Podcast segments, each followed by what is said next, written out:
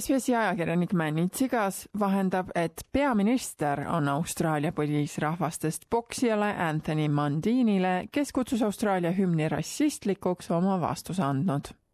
Mandini sõnul ei esinda hümn põlisrahvastest austraallasi ning ta keeldub selle esitamise ajal täna Danny Greeniga toimuval poksimatšil püsti tõusmast. kuid nagu SBS-i ajakirjanik Manny Tsigas raporteerib, on Malcolm Turnbulli sõnul Advance Australia Fair kõigi austraallaste jaoks mõeldud. Austraalia poksimaailma kõige oodatavama kohtumise eel paistab Anthony Mandini fookus liikuvat tema vastaselt Danny Greenilt ära riigihümnile.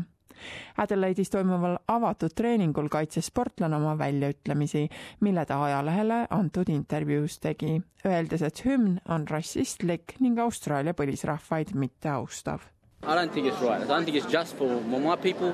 I think it's just for myself and my ancestors, my grandmother, my grandfather. So I would not like to see it played. Daily Telegraphile antud intervjuus ütles Anthony Mandin, et Jessica Mowboy valiti poksimatši avaõhtul Advance Australia Fairy hümni laulma, kuna ta on mustanahaline. She might research, she might know the actual facts around the anthem.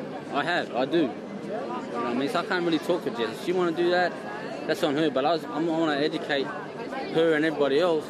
Sony Music, kes on Mauboid esindav firma, SBS-i soovile kommentaari saada ei vastanud. kuid poksija Danny Green ütleb, et tema tõuseb hümni ajal püsti, kuid ta ütleb, et ta austab oma vastase põhjendusi, miks mitte hümni ajal püsti seista. If he feels so passionate and strongly about that, then so be it. That's his prerogative, that's his opinion, that's his choice.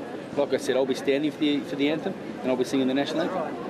Austraalia peaminister, kes oli hiljuti tõmmatud arutelusse, kas Austraalia riikliku püha Austraalia päeva kuupäeva peaks muutma või mitte, on taas end kaitsepositsioonilt leidnud. Malcolm Turnbull ütleb, et ta ei jaga Anthony Mandini vaateid.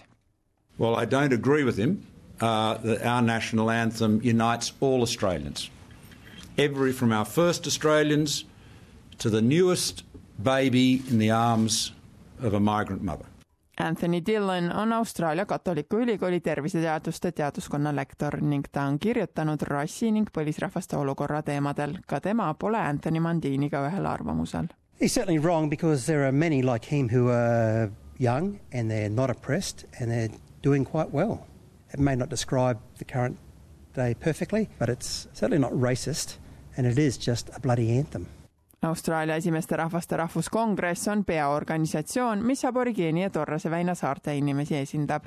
selle kaasdirektor Jackie Huggins ütleb, et tegelikult peaks hümni sõnu lähemalt analüüsima küll.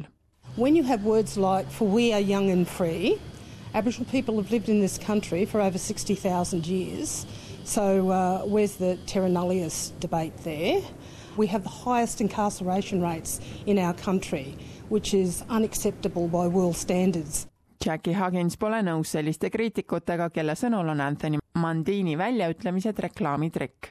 kuid poksimise kommentaator Paul Upham usub, et Mandini väljaütlemistes on teatud planeeritud aspekt juures. The timing, I think maybe it's a coincidence, but I think he's clever enough to know what he's doing, that by giving a controversial opinion, it's going to sell his agenda and also sell his fight.